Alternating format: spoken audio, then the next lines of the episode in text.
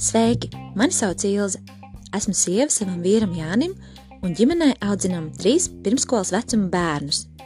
Abi ar vīru pēc profesijas esam arhitekti. Taču nu jau kādus sešus gadus es pārsvarā ikdienu pavadu kopā ar bērniem mājās. Ikdienā mani pienākumi ir rūpēties par bērniem, audzināt viņus, spēlēties ar viņiem un pavadīt kvalitatīvu laiku kopā. Bērnu audzināšanā cenšamies izmantot bibliskus principus, tāpēc šodienas epizode par to, kas tad ir bibliska bērnu audzināšana. Mūsdienās ir pieejamas ļoti daudz un dažādas grāmatas par to, kā tad būtu jāaudzina bērni. Ir vecāki, arī kas pārmantojuši savas ģimenes audzināšanas modeli, un šobrīd to arī pielieto saviem bērniem. Mēs savā ģimenē centāmies saprast, kāda būtu bibliska bērna audzināšanas pieeja. Tāpēc pagājušajā gadā man bija tāda iespēja mācīties Bibliskās bērna audzināšanas universitātē. Tur tad arī ieguvu visas atbildes uz saviem jautājumiem par bērnu audzināšanu. Bibliska bērna audzināšana Tā ir audzināšana, kas vērsta uz bērna sirdi. Mērķis ir pielietot tādas audzināšanas metodas, kas aizsniedz bērna sirdi un dod ilgtermiņa risinājumu, nesot pozitīvas pārmaiņas bērnu uzvedībā. Pamatā uzsvers tiek likts nevis uz pašreizējās rīcības pārmainīšanu, motivējot bērnu ar kādiem labumiem vai, vai draudiem, bet gan uz bērna iekšējās motivācijas stimulēšanu un veidošanu, vēršoties pie bērna sirdsapziņas attīstīšanas. Šī pieeja, kas vērsta uz bērna sirds audzināšanu, attīsta bērnu iekšējo motivāciju darīt to, kas ir pareizi un labi. Vecākiem ir diezgan viegli iekrist tajā, ka visa uzmanība bērna audzināšanā tiek veltīta viņu uzvedības koriģēšanai, bet par sirdi mēs aizmirstam. Ikdienas tādā steigā un aizņemtībā mēs samierinamies ar to, ko mēs redzam, Ja bērns spēj un prot izdarīt to, ko mēs no viņa prasām, nu tad viss ir kārtībā. Taču bieži vien mēs nepamanām, kas notiek ar bērna sirdi. Un viena bīstama lieta, kas izriet no tā, ka vecākiem svarīga ir tikai bērnu uzvedība, ir tas, ka bērns iemācās rīkoties atbilstoši tam, kā viņam prasa, atbilstoši noteikumiem, bet aizgriezies prom, tā ka mamma vai tēvs neredz, viņš sāk pie sevis sūdzēties vai mēdīties, un tas parāda to, ka bērna sirds ir jau sabojāta, un sacelšanās pret vecāku autoritāti jau ir augstā līmenī, un es negribētu ko tādu piedzīvot pati savā ģimenē, tāpēc esmu ļoti pateicīga par šo kursu, ko es varēju mācīties, un uh, tajā, ka es varēju iemācīties tādas metodes, kā audzināt tieši bērna sirdi, lai šāda situācija neizveidotos. Un te es vēlos iedrošināt ikvienu vecāku, kurš šobrīd ir ieraudzījis savā bērnā kādas sirds problēmas. Es gribu teikt, viss ir labojams, ja jūs neesat no tiem, kuri šādu rīcību akceptē, sakot, nu vismaz viņš man izdara, ko es lūdzu, vai arī attaisnojoties, ka dziļi sirdī jau viņš ir labs cilvēks, tad jūs jau esat soli pretī tam, ka jums patiesi rūp sava bērna sirds, un jūs neļausiet šīs pasaules gudrībai sevi piemānīt.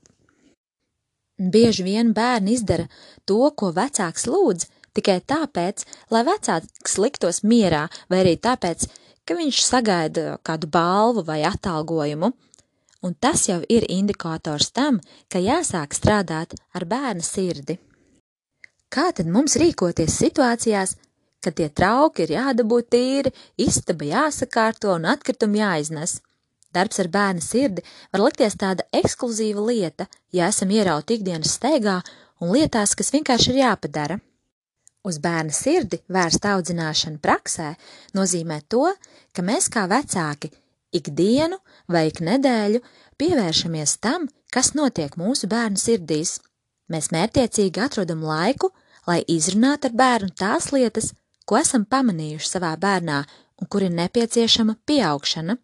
Pat ikdienas steigā īsi komentāri, ko izsakām, var tikt vērsti vai nu uz uzvedību, vai tieši uz bērna sirds jautājumiem. Pirmskolas un sākumskolas vecuma bērnos ir diezgan viegli ieraudzīt, kas notiek viņu sirsniņās, jo tas ir uzskatām redzams, tas iznāk ārā viņu rīcībā, taču vecākiem bērniem ir savādāk. Viņi iemācās lietas noslēpt un pataupīt pie sevis, līdz ar to vecākiem ir grūtāk saprast, kas notiek viņu bērnu sirdīs. Ar rūpīgu vērošanu un ieklausīšanos, arī ar lūgšanu, to ir iespējams atklāt, un te svarīgi, ka vecāki prot klausīties savā bērnā. Tas arī mums ir jāmācās. Tad kopsavilkumā, kā man rīkoties, kad ieraugu kādu problēmu savā bērnā, vai man fokusēties tikai uz sirdi, vai tomēr arī uz rīcību? Pirmais, kas jādara, uzdod sev jautājumu, kas notiek bērna sirdī, kāpēc viņš tā rīkojas? Tad nākamais solis ir izstrādāt konkrētu plānu, kā rīkoties tālāk tā, lai tas aizsniegtu gan bērna sirds jautājumu, gan arī ietekmētu viņu pašreizējo uzvedību. Tādam praktiskam paraugam minēšu mūsu piecgadīgā bērna problēmu un kā mēs to iestrādājām viņa plānā.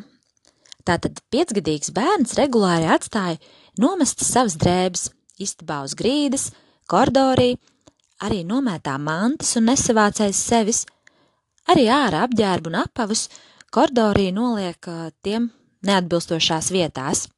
Kad ieraugām bērnu arī ikdienas situācijās, varam pamanīt viņa paviršību arī pret daudzām citām lietām. Tad viņa plānā mēs ierakstam sekojošas lietas. Rīcības ietekmēšanai mēs izstrādājam kādus atgādinājumus vai darbu tabuliņu, kurā bērns var ieraudzīt savas atbildības un sekot tām līdzi. Tad mēs izmantojam kādus atgādinājumu zīmes tajās vietās, kur bērnam jāpievērš uzmanība, kā viņš šo vietu aiz sevis atstāja. Piemēram, koridorī pie kurpju novietnes mēs uzlīmējam kādu attēlu, kas parāda precīzu kurpju novietojumu un kur tām ir jāstāv. Papildus šiem praktiskajiem punktiem mēs pievēršamies arī sirds sadaļai, lai risinājums ietvertu to, ka bērns ne tikai fiziski izdara pareizi un kārtīgi, bet arī citās jomās, lai viņš spētu pieaugt, būt rūpīgāks un lai kārtība būtu viņam vērtība. Šeit mēs izmantojām vizualizēšanu kopā ar bērnu, ka mēs parādījām, cik svarīgi ir iemācīties būt atbildīgam, rūpīgam un kārtīgam, un kā šīs rakstura īpašības var noderēt tālākajā dzīvē, un cik svarīgi tās ir sākt apgūt jau bērnībā. Tas no mums kā vecākiem ir prasījis tādu vienu sarunu ar bērnu un arī šos te praktiskos uzdevumus. Un kad es ikdienā pamanu, kad atkal ir šī paviršība un nekārtība, tad no manis tas prasa vienkārši atgādināt bērnam, ko mēs esam runājuši, un iedrošināt viņu par tālāko rīcību un atgādināt, cik tas ir svarīgi, kad viņš apgūst šīs lietas. Un man ir prieks skatīties, kā bērns pamazām sakārtojot to vietu skaisti, kā viņam pašam tas jau sāka iepatikties un ka viņš pats gūst no kārtības prieku.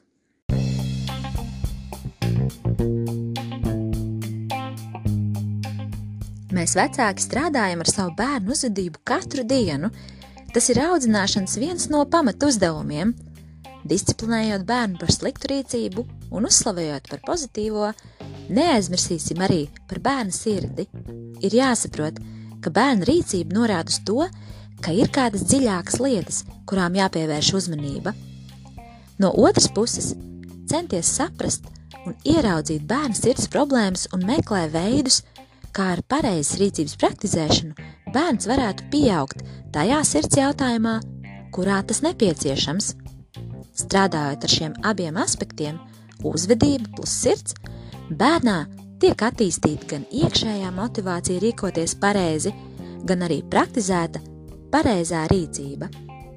Mans novēlējums tev kā vecākam ir ieraudzīt, ka aiz katras rīcības bērnu uzvedībā slēpjas kāds sirds jautājums, kurā varbūt ir vajadzīga tava palīdzība. Un vislielākās izmaiņas sava bērna uzvedībā un rīcībā mēs kā vecāki varam piedzīvot tikai tad, ja strādājam gan ar bērnu uzvedību, gan arī ar viņa iekšējās sirds attieksmes veidošanu.